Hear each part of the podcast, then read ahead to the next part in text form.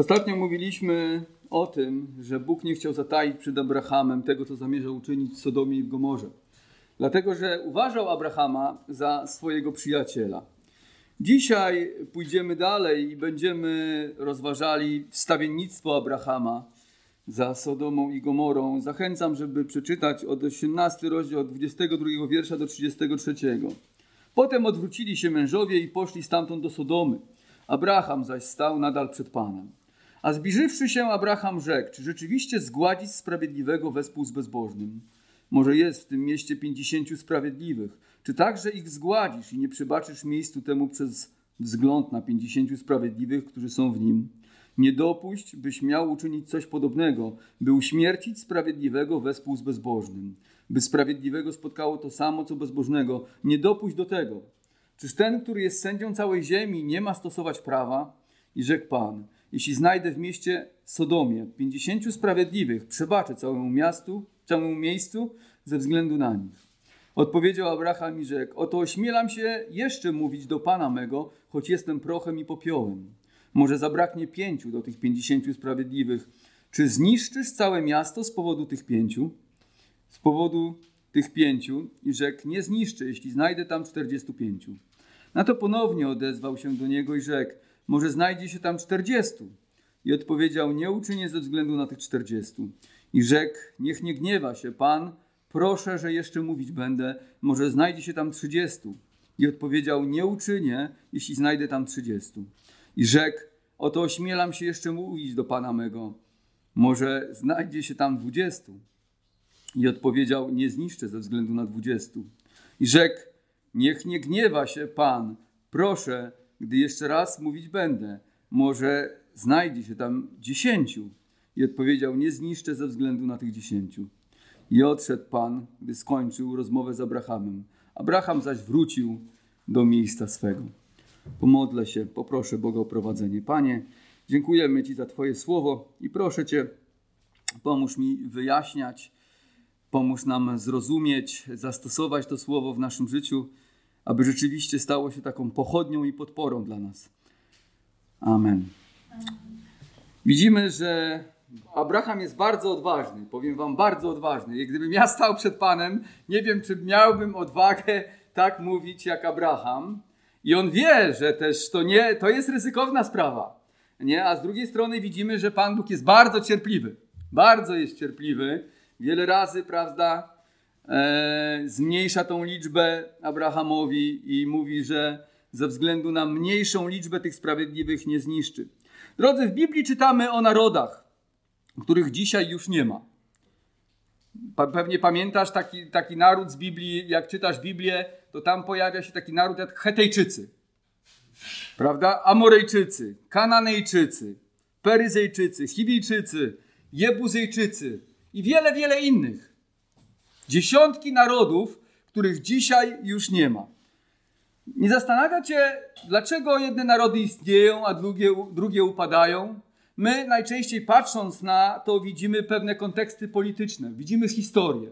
Widzimy, że się dzieje wojna na Ukrainie, widzimy, co się dzieje w Afganistanie, widzimy, co się dzieje w Afryce, w niektórych krajach. Zmieniają się granice państw. Widzimy pewne działania polityczne. Ale Biblia mówi, że Bóg jest tym, który daje trwać narodom, albo pozbawia ich granic, albo sprawia, że znikają. Dlaczego Bóg pozwala jednym narodom istnieć, a inne przywodzi do zguby? Jednych błogosławi, a innych przeklina, wylewając na nich swój sąd, jak w przypadku Sodomy i Gomory. W dziejach apostolskich w 17 rozdziale Paweł powiedział do Ateńczyków, zwiastując Ewangelię, że Bóg ustanowił narody. Otwórzmy 17 rozdział dziejów apostolskich. Dzieje apostolskie, 17 rozdział. Jeszcze nie wiem dokładnie, który wiersz powiem zaraz. I 26 wiersz. I dalej. Z jednego pnia wywiódł też wszystkie narody, aby mieszkały na całym obszarze ziemi ustanowiwszy dla nich wyznaczone okresy czasu i granice ich zamieszkania, żeby szukały Boga, czy go może nie wyczują i nie znajdą, bo przecież nie jest on daleko od każdego z nas. Więc Paweł powiedział do Ateńczyków, zwiastując Słowo Boże, że Bóg ustanowił narody z jednego pnia, z Adama, prawda? Wywiódł wszystkie narody na całym obszarze ziemi. Wyznaczył dla nich granice oraz czas, przez który będą istnieć. Ale czy są jakieś powody, dla których Bóg sprawia, że jedne narody istnieją dłużej, a inne krócej? Na przykład Egipt. Taki starożytny naród, czytamy o nim w Biblii, istnieje do dzisiaj. A Kananejczycy, Peryzejczycy, Chiwijczycy i wiele, wiele innych, nikt o nich już dzisiaj nie słyszał. W jednych narodach jest spokój, praca, rozwój, a w innych wojna, terror, chaos i głód. Ostatnio niemal w każdych wiadomościach słyszymy o zwycięstwie talibów w Afganistanie i przejęciem przez nich kontroli nad tym krajem. Jak wiemy, talibowie to terrorystyczne i fundamentalistyczne ugrupowanie islamskie wprowadzające w swoich rządów prawo szariatu. Co dalej będzie z Afganistanem? Nikt z nas tego nie wie, ale widzimy, że wielu ludzi ucieka z tego kraju w obawie przed cierpieniem, zemstą za sprzyjanie Ameryce i krajom zachodnim jest nawet apel, by modlić się o wierzących, bo prawdopodobnie, jeśli nie już, są prześladowani.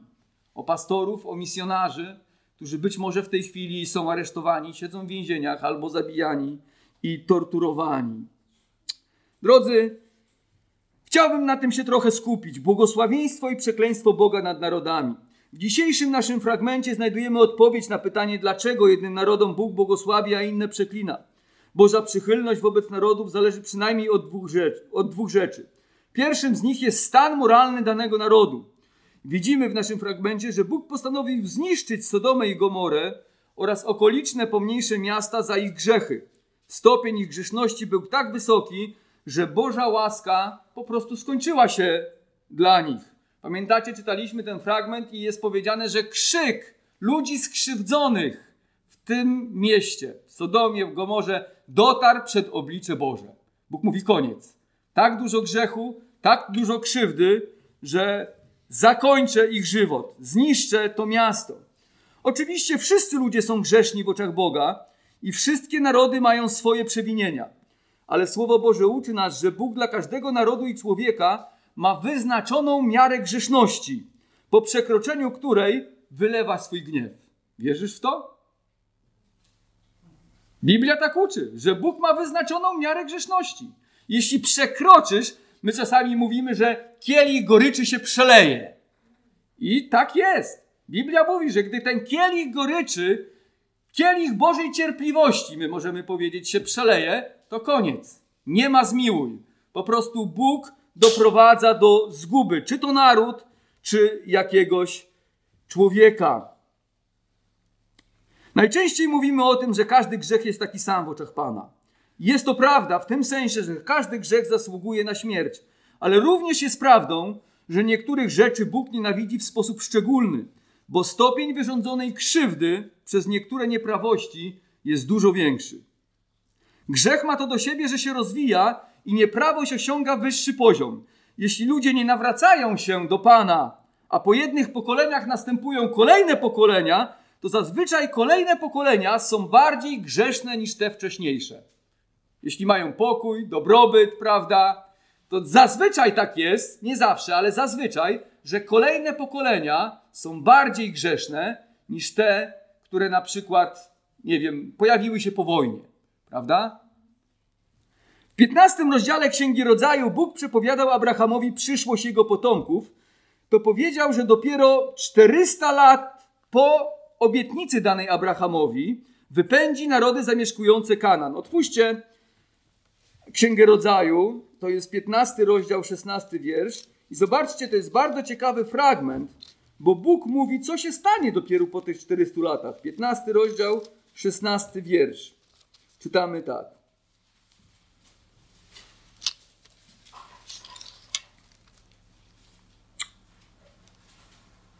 Lecz dopiero czwarte pokolenie wróci tutaj, gdyż przed tym czasem nie dopełni się wina Amorytów.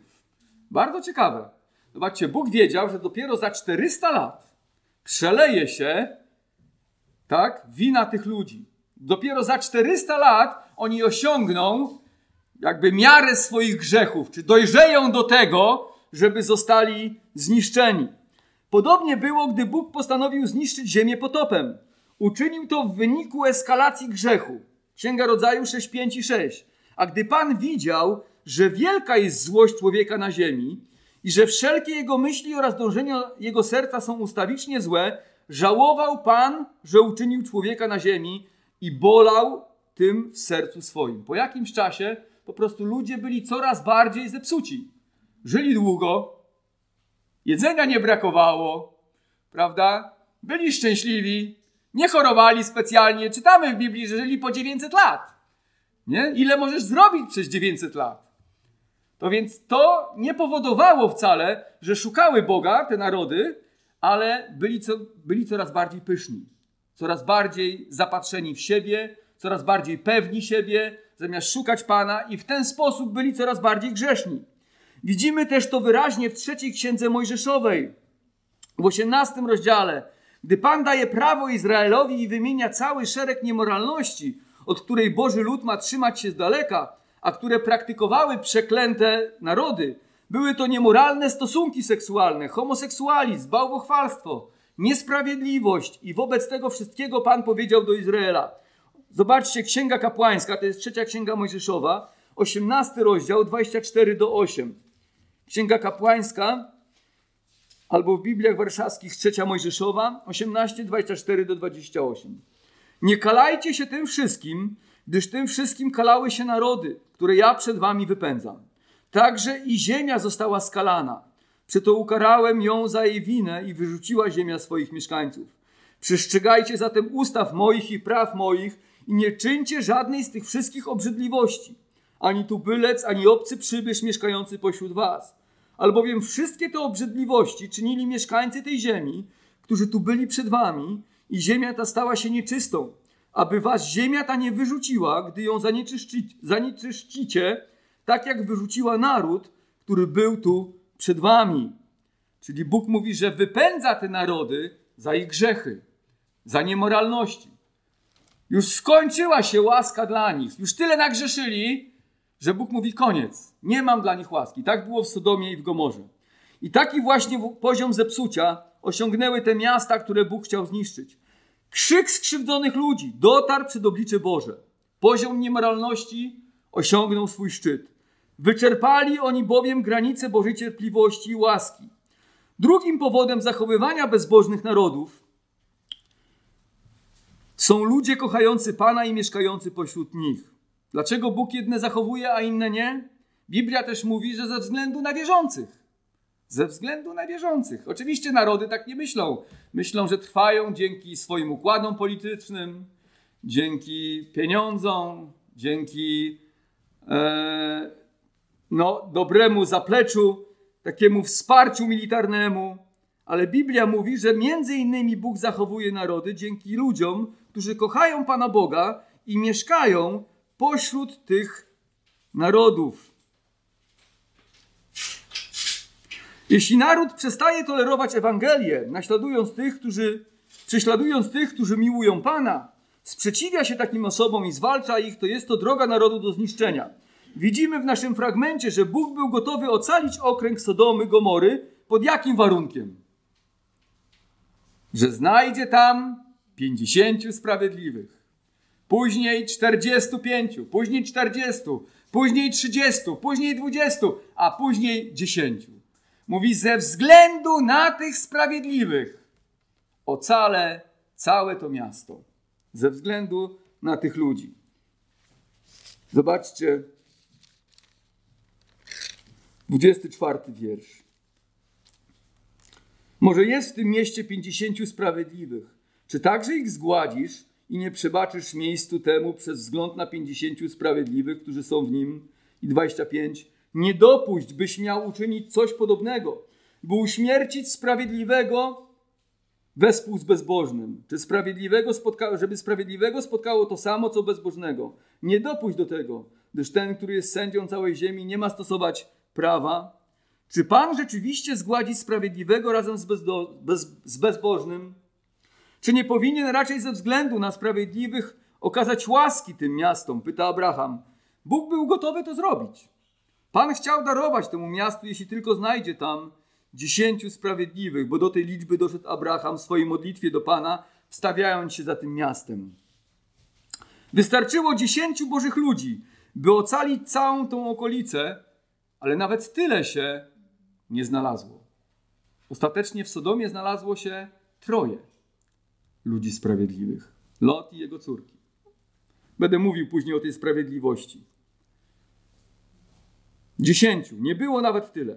Nie wiemy dokładnie, ile w tych miastach mieszkało osób, ale po różnych badaniach szacuje się, że mogła być to liczba między 40 a 60 tysięcy ludzi.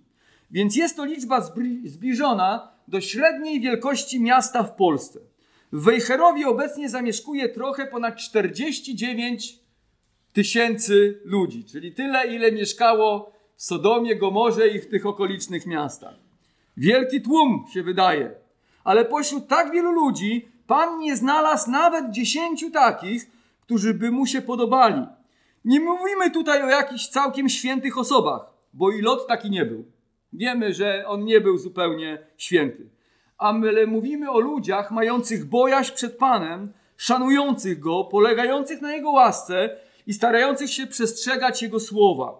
Mówimy o ludziach, którzy nie są sprawiedliwi sami z siebie, ale polegają na Bożej sprawiedliwości, której, o której mówi apostoł Paweł w liście do Rzymian. Jest to sprawiedliwość z Boga, polegająca na przyjęciu Bożego przebaczenia w Jezusie Chrystusie. Zaczy, zaczyna się od przyznania się do swoich grzechów, upamiętaniu i wierze w Pana Jezusa, gdzie jesteśmy Jego uczniami i naśladowcami. Rzadko jakiś niegodziwy naród szanuje Bożych ludzi. Niegodziwe narody szanują Bożych ludzi czy nie? Nie szanują. Rzadko jest, bardzo rzadko, że szanują Bożych ludzi. Przeważnie Bożych ludzi się nie szanuje. A jeszcze rzadziej jakiś naród wie, że szczęście tego narodu i powodzenie jest zależne właśnie od takich osób. Gdybyś poszedł i powiedział tym wszystkim przywódcom politycznym, że niech dbają o Kościół w swoim kraju, bo dzięki Kościołowi mają powodzenie, to pewnie, oczywiście Kościołowi prawdziwemu, nie jakiemuś nominalnemu, nie jakiejś religii, tylko tym, którzy kochają Jezusa, to pewnie zostałbyś wyśmiany. Prawda? Kościoła używa się jako narzędzie polityczne i jeszcze z innych powodów, jako możliwość zbierania jakichś dodatkowych pieniędzy, głosów, ale rzadko ludzie myślą, że właśnie ludzie wierzący to są ci, dzięki którym ten naród może się rozwijać.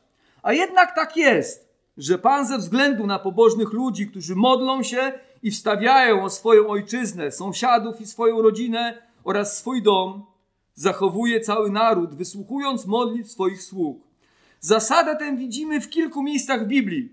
Jest ona nam ukazana, gdy Józef zostaje sprzedany jako niewolnik i trafia do domu Potyfara, a wtedy Bóg ze względu na Józefa zaczyna błogosławić kogo?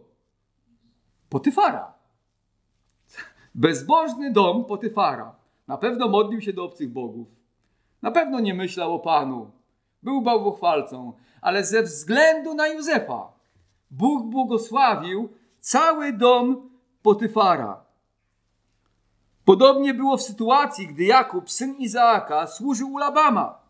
Bóg błogosławił cały dobytek Labama ze względu na Jakuba. I pamiętacie, do czego Labam doszedł? On mówi: Poznałem z wróżby, że Pan przez ciebie mi błogosławi. Dlatego tak wszystkiego mam dosyć, bo z tobą jest Bóg.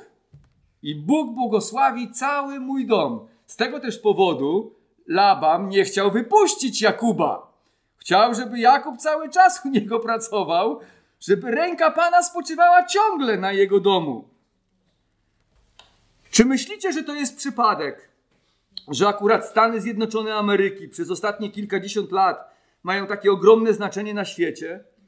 To właśnie ten kraj swojego czasu doświadczył kilku duchowych przebudzeń i wielu Amerykanów nawróciło się do Pana. Ostatnio czytałem jakieś czasopismo chrześcijańskie, być może Open Doors, nie jestem z Open Doors, idźcie, ale nie jestem pewny. I tam było powiedziane, że Stany Zjednoczone wciąż są jedynym krajem, znaczy wciąż są pierwszym krajem na świecie, który wysyła najwięcej misjonarzy na cały świat. Wciąż są takim krajem który wysyła najwięcej misjonarzy na cały świat. Oczywiście jest tam wiele bezbożności. Ja się z tym zgadzam. Ale też jest wielu ludzi, którzy kochają Pana. Wprawdzie coraz mniej. Coraz mniej. I niebezpiecznie się to zbliża do tej granicy, kiedy nawet ich modlitwy już nie będą mogły pomóc temu krajowi. Bo widzimy, że Abraham modlił się o Sodomę i Gomorę, modlił się o sprawiedliwych, ale nawet jego modlitwy nie były w stanie uratować. Gdy zostanie przekroczony ten moment, kiedy Pan mówi, że wyczerpała się jego cierpliwość, to nawet nasze modlitwy nie mogą uratować kraju. Ale jest ten, to, to miejsce, gdzie nasze modlitwy, gdzie wierzący rzeczywiście są tą solą ziemi, dzięki której Pan Bóg zachowuje cały kraj. I Stany Zjednoczone Ameryki są krajem, które doświadczyły wielu przebudzeń na świecie i wysłały i wciąż wysyłają wielu misjonarzy, którzy jadą na cały świat zwiastować Ewangelię, narażając się i narażając swoje życie. Podobnie i Korea Południowa, może Was zaskoczę, ale Korea Południowa, to w jaki sposób ten kraj podniósł się po wojnie, można nazwać cudem. Ale niewielu widzi w tym rękę Bożą. Mamy samochody z Korei, Kia. Jeździmy tymi samochodami, wiele sprzętu elektronicznego. A czy wiecie, że po wojnie oni nie mieli żadnego samochodu, żadnego przemysłu? Kraj był, kraj był totalnie zniszczony. A dzisiaj cały świat na przykład jeździ ich samochodami. Dlaczego tak się dzieje? Dlatego, że Korea przez wiele lat od jakiegoś czasu doświadcza ogromnego duchowego przebudzenia. Obecnie około 36% obywateli Korei to ewangeliczni chrześcijanie, czyli 16,5 miliona. 16,5 miliona. Chciałoby się, żeby tak w Polsce było. 16,5 miliona chrześcijan.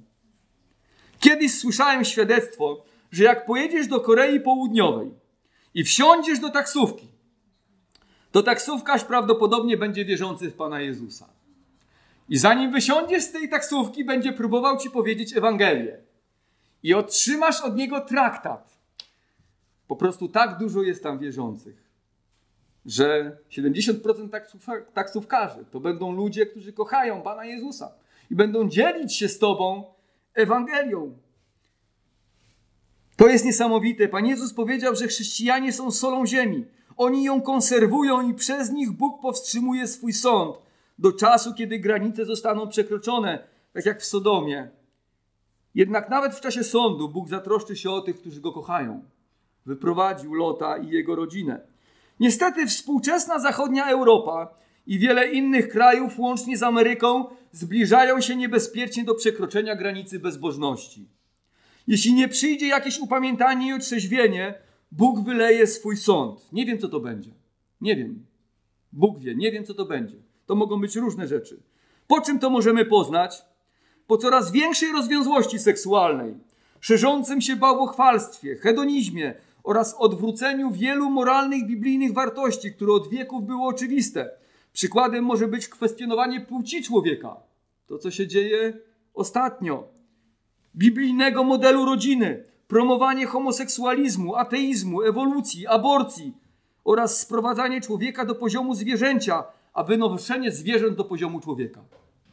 Za psa, jak kopniesz, dostaniesz 3 lata, a za jak zabijesz człowieka 2 lata, bo nieumyślnie. No tak, tak się dzieje po prostu. No takie zaczynają być dziwne, dziwne czasy.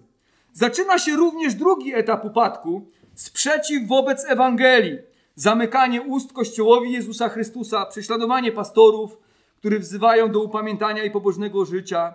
U nas w Polsce dzięki Bogu jeszcze nie widzimy tego, ale w niektórych krajach skandynawskich już to zaczyna być widoczne. Drodzy, wstawiajmy się o nasz kraj. Wołajmy przed Panem, jak wołał Abraham. A może Pan zmiłuje się? I właśnie z powodu przysłowiowych dziesięciu sprawiedliwych, nas tu jest nawet więcej jak dziesięciu, całej Polsce jest kilkanaście, może kilkadziesiąt tysięcy ewangelicznych chrześcijan. Oczywiście Pan zna tych, którzy są Jego. Nie wszyscy, którzy chodzą do ewangelicznego kościoła, są wierzący. Pan wie, ilu jest tak naprawdę ludzi. Ale być może z powodu nich Pan będzie błogosławił naszemu krajowi i ocali nasz naród. I może da nam przebudzenie. Może da nam przebudzenie. Kolejna rzecz, jaką chciałem podkreślić na podstawie naszego fragmentu, to rola naszej modlitwy wstawienniczej. Zbyt często wierzący bagatelizują ten aspekt naszego życia chrześcijańskiego. Jednak dojrzały chrześcijanin, który zna Boga, wie, jak ważne jest poświęcać regularnie swój czas na modlitwę wstawienniczą o zbór, ludzi w zborze, swój kraj, swoją rodzinę, Kościół jako całość, misję chrześcijańską, prześladowanych chrześcijan i wiele jeszcze innych spraw, które dotyczą Bożej woli i naszego życia. Ale żeby było to możliwe, nie tylko należy być wierzącym w Jezusa, ale starać się chodzić blisko Pana. Widzimy w naszym fragmencie, że Abraham stał przed Panem, gdy aniołowie poszli do Sodomy, a następnie zbliżył się do Pana, by przedstawić swoją prośbę. Zobaczmy na 23 wiersz.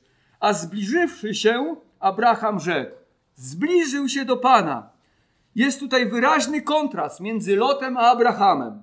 Choć to, to Lot mieszkał w Sodomie i najbardziej był dotknięty tym, co miało przyjść na miasto, to jednak Pan Abrahamowi objawił swoje plany i modlitwy. I, i modlitwy Abrahama wysłuchał, a nie Lota. Stało się tak dlatego, że Abraham zbliżył się do Pana, by szukać Jego woli i był oddzielony od grzesznej kultury Sodomy. Lot zaś, choć szanował Pana, to uwikłał się w grzeszne sprawy tego świata i z tego powodu ciężko mu było żyć dostatecznie blisko Pana. Czy są tacy chrześcijanie? Są. Mogą chodzić do zboru, mogą nawet czytać Biblię, szanować Pana, ale mogą się również uwikłać w sprawy tego świata. Po prostu ich serce może oziębnąć. I czytamy to choćby w listach do, yy, w listach do zborów Księgi Objawienia. Pamiętacie? Do Efezu, jak Pan Jezus napisał list? Wszystko dobrze w Twoim zborze. Wszystko dobrze w Twoim kościele. Ale mam Ci za złe, że straciłeś swoją pierwszą miłość. Niektórzy chrześcijanie uwikłali się w sprawy tego świata. I taki był lot. Dlatego Pan objawił Abrahamowi, co zamierza uczynić. Lot niebezpiecznie zbliżył się do grzesznej kultury, przeniknął ją. To więc, choć szanował Pana, nie był oddany Panu tak, jak powinien być. Chrześcijanin natomiast, który żyje blisko Pana, w zażyłej społeczności z Nim, rozumie coraz lepiej otaczający go świat i jego sprawy. Dzięki Słowu Bożemu i darze Ducha Świętego ma właściwą perspektywę na to, co dzieje się dookoła. Dlatego może skutecznie pomóc ludziom i udzielić im właściwej odpowiedzi w problemach. Najczęściej ludzie ślizgają się tylko po powierzchni spraw, nie rozumiejąc, dlaczego takie i inne problemy ich spotykają. Rzadko rozważają swoje życie z perspektywy duchowej. Człowiek wierzący, natomiast mający społeczność z Panem, rozumie, czym jest grzech i jakie są jego konsekwencje, zarówno w życiu doczesnym, jak i wiecznym. Rozumie również, że należy się modlić do Boga, bo sam nie jest w stanie rozwiązać problemów świata, grzechu i niewoli diabelskiej, w jakiej tkwią ludzie. Nawet gdy poprawimy stan moralny ludzi, nawet gdy nauczymy ich dobrze żyć, to i tak nie zmienimy na tyle dostatecznie ich życia, żeby byli błogosławieni przez Pana. Potrzebujemy pomocy Pana, potrzebujemy modlić się do Niego, potrzebujemy, żeby On dotknął tych ludzi i żeby oni zobaczyli, w jakim strasznie, strasznym stanie duchowym się znajdują. Chrześcijanin, który chodzi blisko Pana, rozumie również, że należy polegać na Panu i że walka, którą toczymy, przerasta go, bo nie dotyczy cielesnych środków, ale duchowych i tylko Bóg ma moc, by zwyciężyć tą wojnę. Więc Abraham, rozumiejąc, że Bóg objawia mu swój plan nie po to, by zaspokoić jego ciekawość, ale w tym celu, by coś uczynić, zaczyna się modlić. Modli się, aby ocalić Lota i jego rodzinę, bo o to głównie chodzi. Chce ocalić Lota i jego rodzinę. Więc, bo Lot mieszka w Sodomie. Pan właśnie w tym celu objawia nam swoją wolę, wolę, by wstawiać się do Niego i by mógł okazać miłosierdzie tym, wobec których chce to uczynić. Więc Bóg chce działać przez nasze modlitwy. To jest wspaniałe. Objawia nam pewne rzeczy, bo chce działać przez nasze modlitwy. Widzisz więcej, bo Bóg chce, żebyś się modlił, żebyś stawiał się do Niego, żeby On mógł Cię wysłuchać i mógł błogosławić Twój zbór, Twoją rodzinę, Twój kraj. Pan chce zaangażować nas w wielkie zbawcze dzieło, czynione w świecie.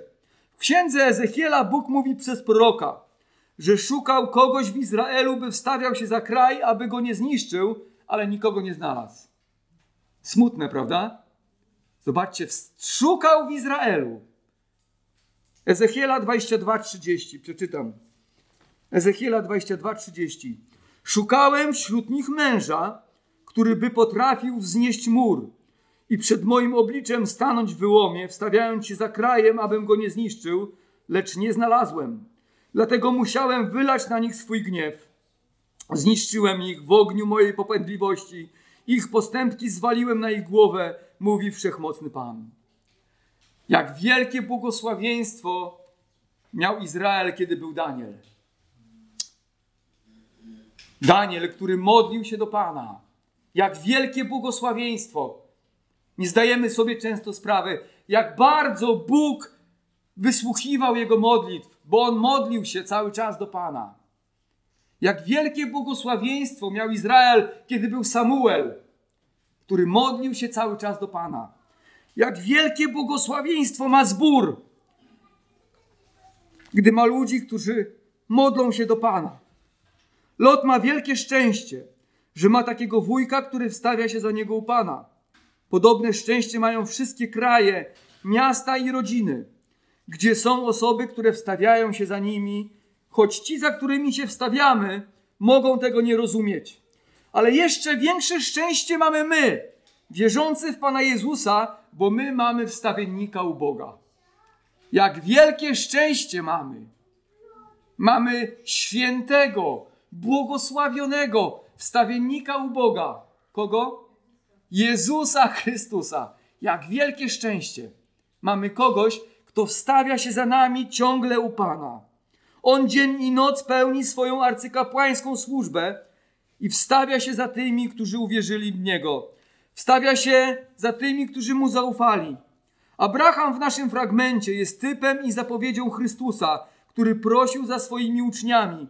Nie za światem, ale za tymi, którzy uwierzą w Jego imię. Abraham nie prosił za Sodomą, prosił za sprawiedliwymi. Zauważyliście? Nie prosił za Sodomą, tylko prosił za sprawiedliwymi. I Pan Jezus, pamiętacie, mówi: Nie proszę za światem, ale proszę za tymi, którzy w imię moje uwierzą. Za tymi proszę. Pamiętacie, gdy modlił się o Piotra? Piotrze, prosiłem, aby nie ustała wiara Twoja. Prosiłem za Ciebie u Ojca, aby nie ustała wiara Twoja.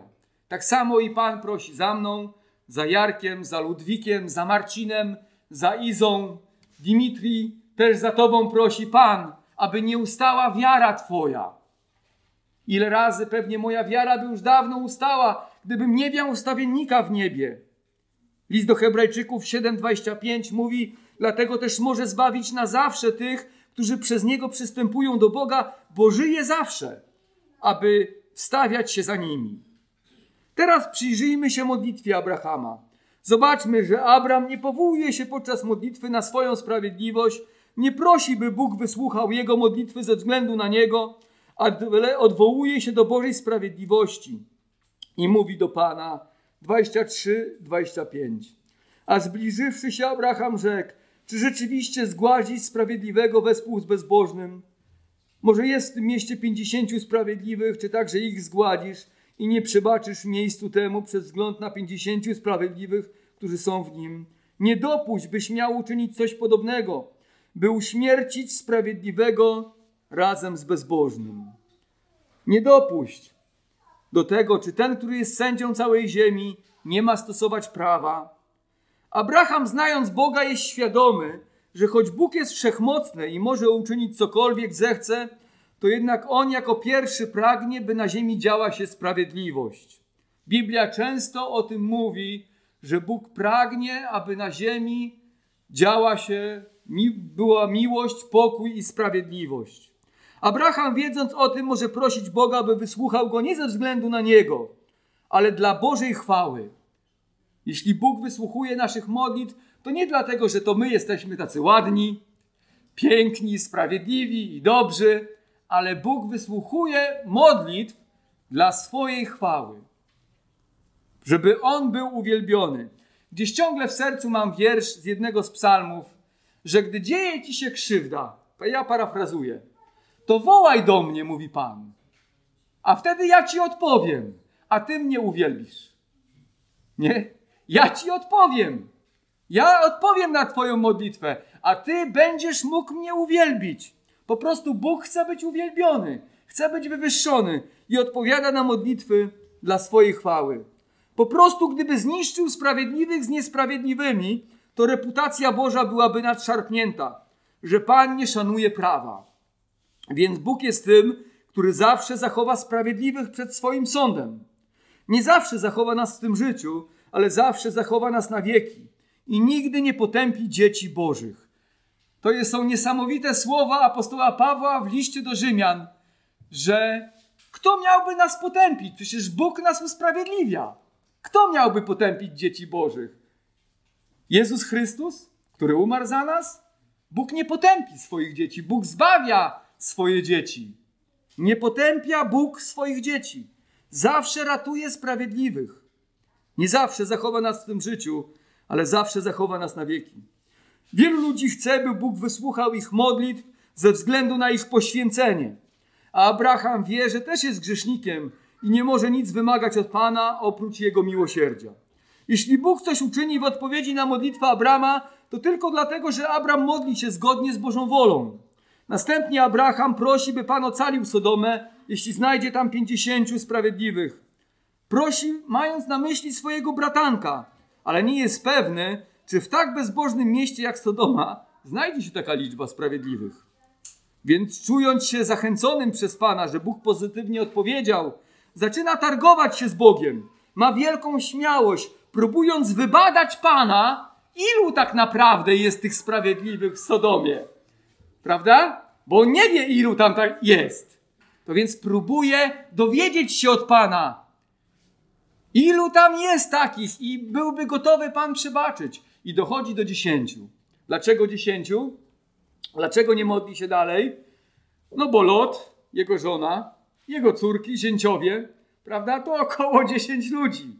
Mówi, tyle mi wystarczy. Wiem, że tyle będzie, e, tyle jest w rodzinie Lota ludzi, to więc e, tyle osób e, starczy mi i może Bóg ocali. Ale okazuje się, że nie ma tyle osób. Okazuje się, że tak jak mówiłem, są tylko trzy osoby. To więc miasto zostaje zniszczone, a rodzina Lota zostaje wypro, wyprowadzona.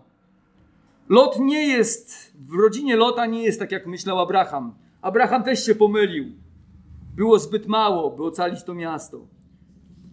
Ale Bóg wysłuchał modlitwę Abrama, chociaż inaczej niż Abraham się spodziewał. Dlatego myślę, podobnie Bóg postępuje dzisiaj. Czasami zachowa miasto lub państwo ze względu na sprawiedliwych, innym razem ratując przed swoim sądem nas wyprowadzi. Dlatego myślę, że zanim nastanie wielki ucisk, to Bóg zabierze swój kościół do siebie i będzie pochwycenie kościoła. Wierzę w to, że zanim nastanie wielki ucisk, będzie pochwycenie kościoła. Bóg wyratuje swój lud. I ostatnia myśl z modlitwy Abrahama to jego postawa przed Bogiem. Choć był przyjacielem Boga, to nie ośmielał się być arogancki przed Panem, czy traktować go jak kumpla. Zauważyliście, jaką on ma postawę? Na każdym etapie tej modlitwy widzimy wielki szacunek Abrama i bojaźń przed Panem. Zobaczmy, jak Abraham zwraca się do Pana. W 27 wierszu on mówi: Ośmielam się jeszcze mówić do Pana mego, choć jestem prochem i popiołem. Czego on był świadomy? Jestem prochem i popiołem. Tak naprawdę, Boże, to ja nie mam prawa mówić do Ciebie. Mówię do Ciebie tylko dlatego, że okazujesz mi dobroć, łaskę i miłosierdzie. Ale ja wiem, że ja nie mam prawa się do Ciebie zwracać, bo jestem grzesznym człowiekiem i masz wiele powodów, że w każdej chwili mógłbyś mnie zniszczyć. I nie mam prawa tego robić. Ale Ty okazałeś mi łaskę w Jezusie Chrystusie. I dzisiaj mamy zachętę, aby śmiało przychodzić przed oblicze Boże. Ale wciąż powinniśmy mieć ten sam szacunek do Boga, jaki miał Abraham. W wierszu 30 Abraham mówi: Niechaj się nie gniewa Pan za to, że jeszcze mówić będę. Panie, przepraszam Cię.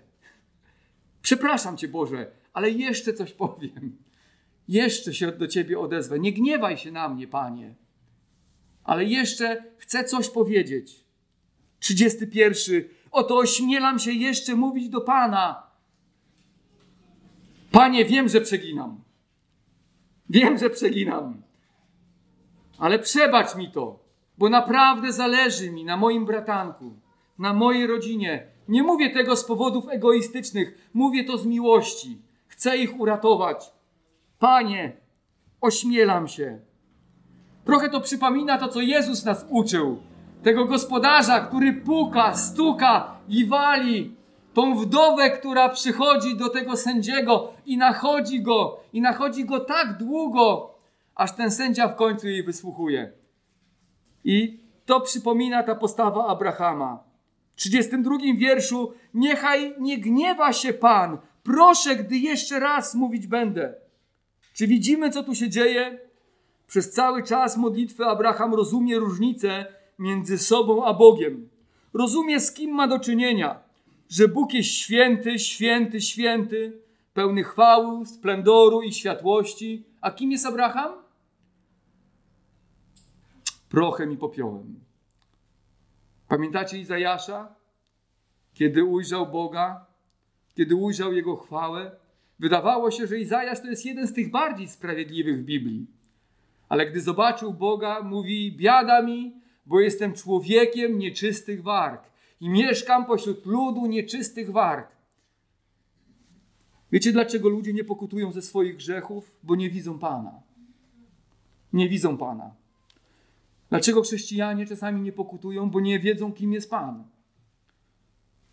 Gdybyśmy widzieli dostatecznie mocno Pana, to wszyscy byśmy padli na kolana i pokutowali przed Nim.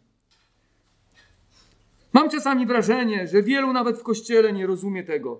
Niektórzy w swoich modlitwach próbują rozkazywać Bogu, wymuszać coś na nim, mówić mu, jacy to oni są ważni w jego planie. Dlatego musi ich wysłuchać. Niestety w kościele jest wiele arogancji w stosunku do Boga, a jeszcze więcej w świecie. Jeśli chcemy, żeby Pan wysłuchiwał naszych modlitw, to należy do Niego przychodzić w pokorze, z nabożnym lękiem, modląc się o Jego wolę i licząc na to, że Pan okaże nam łaskę. W modlitwie Abrahama słuchać ciągle ten, słychać ciągle ten błagalny ton i wielki szacunek do Boga. Jak wyglądają moje modlitwy, nasze modlitwy? Czy błagamy Pana równie gorliwie jak Abraham? Czy znamy Go na tyle dobrze, by wiedzieć, jakie są cele naszego Boga, by skutecznie się modlić? I czy szanujemy naszego Boga odpowiednio mocno, wiedząc, z kim mamy do czynienia, gdy przychodzimy przed Jego tron? Jakie są Twoje modlitwy? Jak przychodzisz do Boga? Czy szanujesz Go tak, jak szanował Go Abraham? A może jeszcze bardziej? Chciałbym teraz posłużyć się pewnym świadectwem. W 1872 roku znany kaznodzieja i ewangelista Dwight Moody odbył podróż do Anglii na odpoczynek, nie mając zamiaru głosić kazań. Kiedy był w Londynie, pewien pastor zauważył Moody'ego i poprosił go, aby wygłosił kazanie w jego kościele w następną niedzielę. Moody zgodził się. Niedzielny poranek kościół wydawał się obojętny na jego przesłanie. Tak relacjonował Moody. Po prostu wygłosił kazanie rano i nic się nie wydarzyło. Ludzie rozeszli się do domów. Pastor poprosił go, by jeszcze wieczorem na kolejnym nabożeństwie miał kazanie. Kiedy przemawiał na wieczornym nabożeństwie, odpowiedź ludzi całkowicie się zmieniła. Po kazaniu Moody poprosił tych, którzy chcieli zostać chrześcijanami, aby wstali. I setki osób wstało. Moody pomyślał, że musieli go źle zrozumieć. Więc poprosił, aby usiedli. I wyraźniej powtórzył zaproszenie. Prosząc wszystkich, którzy chcieli zostać chrześcijanami, aby po nabożeństwie poszli do gabinetu pastora. Do gabinetu pastora przyszło tak wiele osób, że nie mogli się zmieścić. Musieli dostawić krzeseł. Moody był zdumiony, myśląc, że nadal oni nie rozumieją, o co, do czego on wzywał. Poprosił więc wszystkich, którzy pragnęli, aby spotkali się tam z pastorem następnego wieczoru. Sam Moody popłynął do Irlandii, ale gdy tylko dotarł, do Dublina, pastor wysłał mu pilną wiadomość, aby wrócił. Ponieważ w poniedziałek wieczorem przybyło jeszcze więcej zapytań, jak zostać chrześcijaninem, niż ludzi było na nabożeństwie. Po prostu e, ludzi przyszło cały tłum. Moody wrócił i głosił tam kazania jeszcze przez 10 dni, podczas których 400 osób stało się chrześcijanami i przyłączyło się do tego zboru. Trudno mi sobie to wyobrazić, ale 400 osób przyłączyło się do tego zboru. Moody był zdumiony obrotem spraw. Powiedział, że ktoś musi się modlić o ten kościół. Zaczął pytać i w końcu został zaprowadzony do przykutej do łóżka dziewczyny. Nazywała się Marianna Adelard. Leżała ona poskręcana i cierpiąca w wyniku swojej choroby. Ale codziennie spędzała wiele godzin na modlitwie. Prosiła Boga, aby zesłał przebudzenie do jej kościoła, do którego nigdy nie mogła uczęszczać z powodu swojej choroby. Czytała o pracy Moody'ego w Chicago i specjalnie poprosiła Boga, aby przyprowadził tego człowieka do jej kościoła i głosił kazania. A Bóg wysłuchał i zesłał przebudzenie. Bóg dał nam wspaniałe narzędzie, przez które działa w świecie. To jest modlitwa wstawiennicza, a ona porusza ramię, które porusza świat. Podsumowując, po pierwsze, Bóg zachowuje narody z dwóch powodów.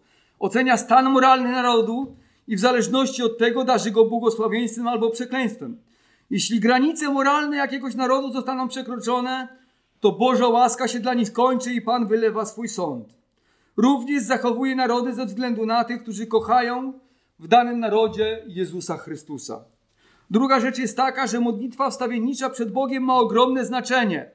Dlatego powinniśmy wstawiać się o zbór wierzących, działalność zboru, projekty zboru, naszą rodzinę, władzę, sąsiadów i kraj oraz różne sprawy dotyczące naszego życia.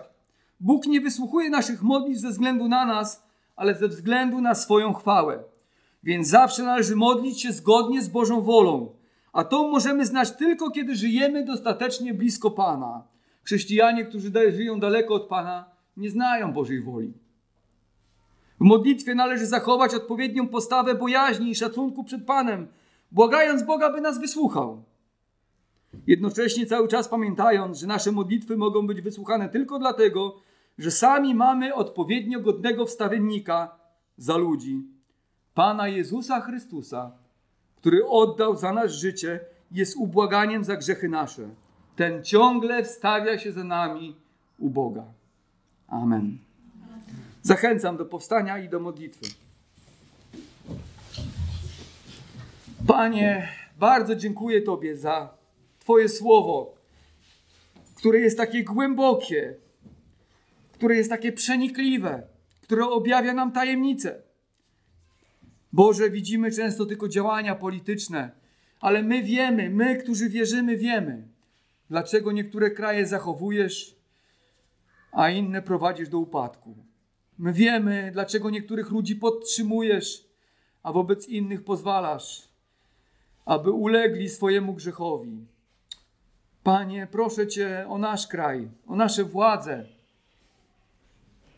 abyś zachował nasz kraj, aby ludzie w tym kraju szukali Ciebie.